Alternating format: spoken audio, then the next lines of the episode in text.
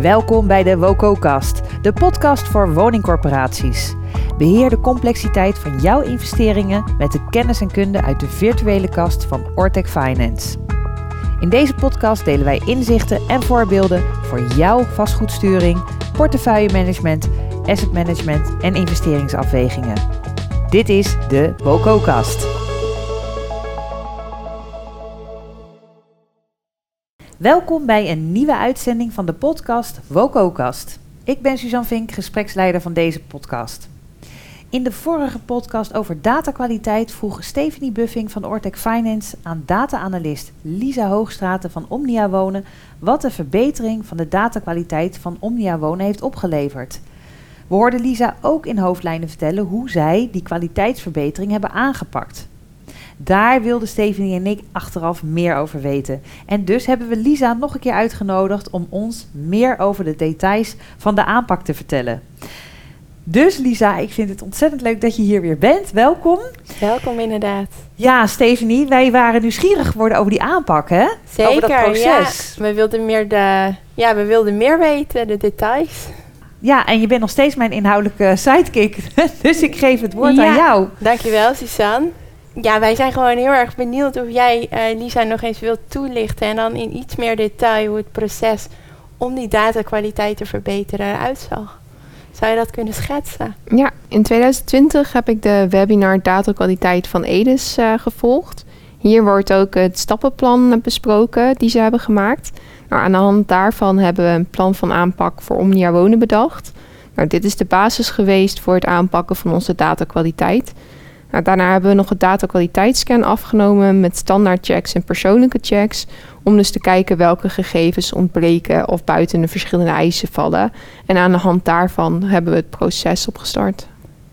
Ja, dus als ik het zo hoor, begint het eigenlijk met een goede basis, een vertrekpunt om daarmee je proces verder uh, uit te kunnen rollen. Ja.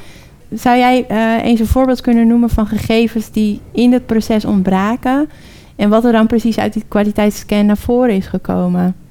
Nou, aan de hand van het stappenplan en de scan hebben we bijvoorbeeld de bouwjaren aangepakt. We hebben gekeken, zijn deze allemaal gevuld? Zijn ze allemaal na 1900? Uh, ehm, ligt het gemiddelde van het complex op een bepaald niveau en voldoende bouwjaren van de woningen binnen dat complex daaraan?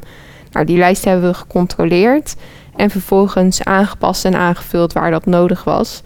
Nou, dat hebben we dan vervolgens weer in het systeem gezet. En zo staan nu dus eigenlijk bijna alle bouwjaren goed in het systeem. Ik vraag mezelf dan wel af van als je zo'n proces opstart, bij begin je? Er zijn zoveel verschillende gegevens per eenheid. Dus hoe bepaal je wat jouw startpunt is? Nou, we hebben ervoor gekozen om te beginnen met de gegevens van het marktwaardeproces. Deze hebben namelijk een grote invloed op uh, de marktwaarde die bepaald wordt aan het einde van het jaar. Maar ze worden ook gecontroleerd door de accountant. Dus het is van belang dat ze goed zijn. Nou en wat een bijkomend voordeel is, is dat veel basisgegevens van woningen, die zitten ook al in die marktwaardegegevens. Dus we hebben nu in één keer al best wel veel van onze gegevens gecontroleerd. En hoe heb je dat dan binnen Omnia Wonen aangepakt? Wie zijn er bij dit proces betrokken geweest? Nou, we hebben een projectgroep datakwaliteit die iedere twee maanden bijeenkomt. Die bestaat uit een business controller, een financial controller, een portefeuille manager en ik, de data-analyst.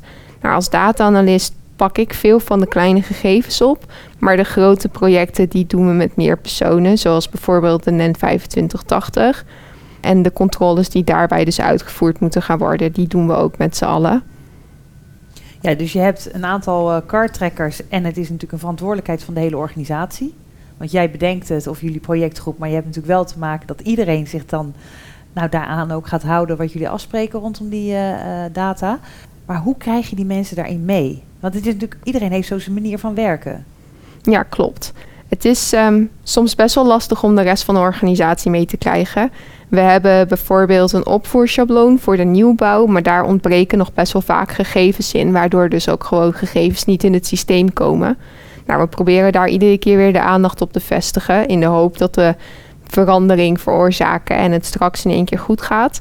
Maar het is natuurlijk ook nodig dat je steun hebt van bovenaf. Dus de managers moeten achter het plan staan, maar ook tijd vrijmaken bij de medewerkers, zodat ze mee kunnen helpen om de datakwaliteit te verbeteren. Als ik dit zo hoor, dan is het dus vooral belangrijk dat er betrokkenheid is vanuit de organisatie en dat het niet een op zichzelf staand project is. Nou, je gaf bij mij eerder al eens aan van dat jullie voor dit project een stappenplan hebben doorlopen. Kun jij ons eens meenemen in die stappen? Ja, want heel even, dan ben ik ook benieuwd. Heb je dan dat stappenplan van, is dat dat stappenplan van Edes dat daarbij gebruikt is? Nou, die hebben we als ehm, soort van inspiratie gebruikt om ons eigen stappenplan eh, te bepalen. En wij gaan nu dan eerst kijken naar de datakwaliteitsscan. Dus nou, daarmee brengen we de kwaliteit in kaart van wat we nu hebben. Vervolgens kijken we per gegeven wat eruit komt of iets dus eh, foutief is en aangepakt moet worden. Nou, die lopen we dus één voor één na. En dan kijken we naar wat de reden is waarom dat het dus niet goed is. Het kan zijn dat het gewoon ontbreekt omdat we het niet hebben en het dus aangevuld moet worden. Maar het kan ook zo zijn dat er überhaupt geen informatie over beschikbaar is. Zoals bijvoorbeeld de bouwjaren van kavels. Daar hebben we geen bouwjaar van. Die gegevens die we dus kunnen aanvullen, die worden aangevuld of aangepast. Dat lezen we weer in in het primair systeem. En vervolgens kunnen we dus de verbetering weer terugzien en de voortgang bijhouden. Oké, dus jullie hebben een eigen stappenplan gemaakt. Hè? Dus het, stappenplan van Edes eh, gebruik je als eh, nou, inspiratie. Vervolgens hebben jullie dan een eigen stappenplan eh, opgezet. Hebben jullie helemaal doorlopen.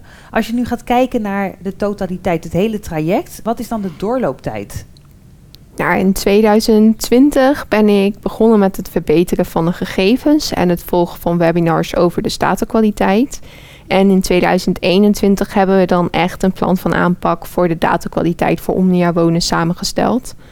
Nou, per gegeven verschilt het dan heel erg hoeveel tijd je eraan kwijt bent. Soms kun je binnen een week iets oplossen, maar soms is het ook dat je er maanden mee bezig bent en eigenlijk nog geen stap vooruit. Maar voor sommige gegevens is het ook juist een continu proces. Bijvoorbeeld als, als je een nieuwe woning koopt, moet ook daarvoor alle gegevens weer goed in het systeem komen. En dat vergt soms ook eh, moeite. Ja, en is het dan zo, hè, want je bepaalt natuurlijk van tevoren een aantal gegevens die ingevuld worden. Dat, dat ga je dan voor die eenheden eh, nou, concretiseren. Is het dan ook wel eens dat je achteraf nog denkt van ja, eigenlijk moet er nog een veld bij een categorie bijvoorbeeld? Eh, ja, dat klopt. En dat kan. Dat, ja, En dan ga je dat weer voor al die eenheden in die categorie aanpassen. dan moet je dat weer opnieuw doen. Precies, dus het blijft echt, het is niet een Echt project. een continu proces. ja, precies. En waarbij je ook telkens wat kunt bijschaven en eh, Ja. voortschrijdend inzicht hebt, zeg maar. En zorgt dat stappenplan dan ook dat je merkt binnen de organisatie dat mensen er makkelijker in meegaan? Dat het een houvast geeft? Ja, hebben jullie dat stappenplan ook gedeeld, zeg maar? Ja, ja. Ja, we hebben het stappenplan gedeeld, maar het is wel meer voor degene die ermee bezig gaan. Dus Ja, echt degene Dus die de datakwaliteit... te Ja, begeleiden. Ja. ja. Ik ben zelf wel benieuwd waar, waar jullie dan nu staan voor wat betreft die kwaliteit. Want je geeft aan van nou, er zijn wat kleinere, wat grotere projectjes in het geheel. Ehm, maar als je nu zou moeten beoordelen waar je staat, wat zou, ja, wat zou jij dan zeggen? Nou, de kwaliteit van de marktwaardegegevens die is al een stuk verbeterd. Er zijn natuurlijk wel een aantal gegevens die nog steeds beter kunnen, maar we hebben al hele grote stappen gezet. En we kunnen ook zien dat bepaalde gegevens steeds verder richting de 100% kwaliteit gaan. Dus dat is ook mooi om te zien. Nou, dat is dan toch wel netjes dat je dat binnen een jaar realiseert, hè? Als je Ja. het hebt over successen vieren. Ja. Ja, een jaar. Je bent in 2021 daar daadwerkelijk mee begonnen, plan van aanpak.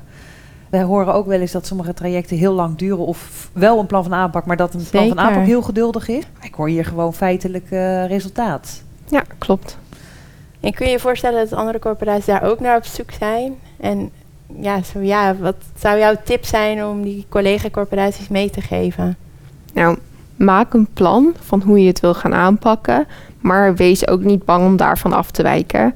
Soms komen er bepaalde gegevens tussendoor die je opeens op moet pakken. Maar pak die dan ook gewoon eerst op. En eh, soms heb je ook opeens een gegeven die je heel makkelijk kunt verbeteren. En je dus met snelle stappen in één keer de kwaliteit daarvan tot 100% kan brengen. Nou ja, doe dat dan ook. En laat dan ook eh, het stappenplan gaan. Om gewoon dus snel die eigenlijk een beetje stappen. die kleinere processen in het grotere geheel. Ja, dus je maakt een kader, dat is er, maar durf ook buiten de lijntjes te kleuren als het nodig is. Ja, precies.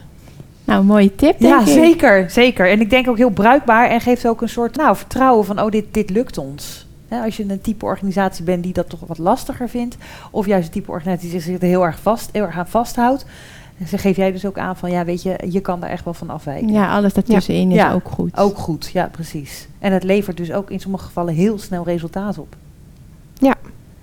Ja. Nou, we hebben weer een beter beeld bij dat eh, proces, Stephanie. Ja, hartstikke interessant. Ja. Dank je wel. Ja, Lisa, dankjewel. Stephanie, dankjewel voor Ja, ja, wederom die eh, inhoudelijke sidekick.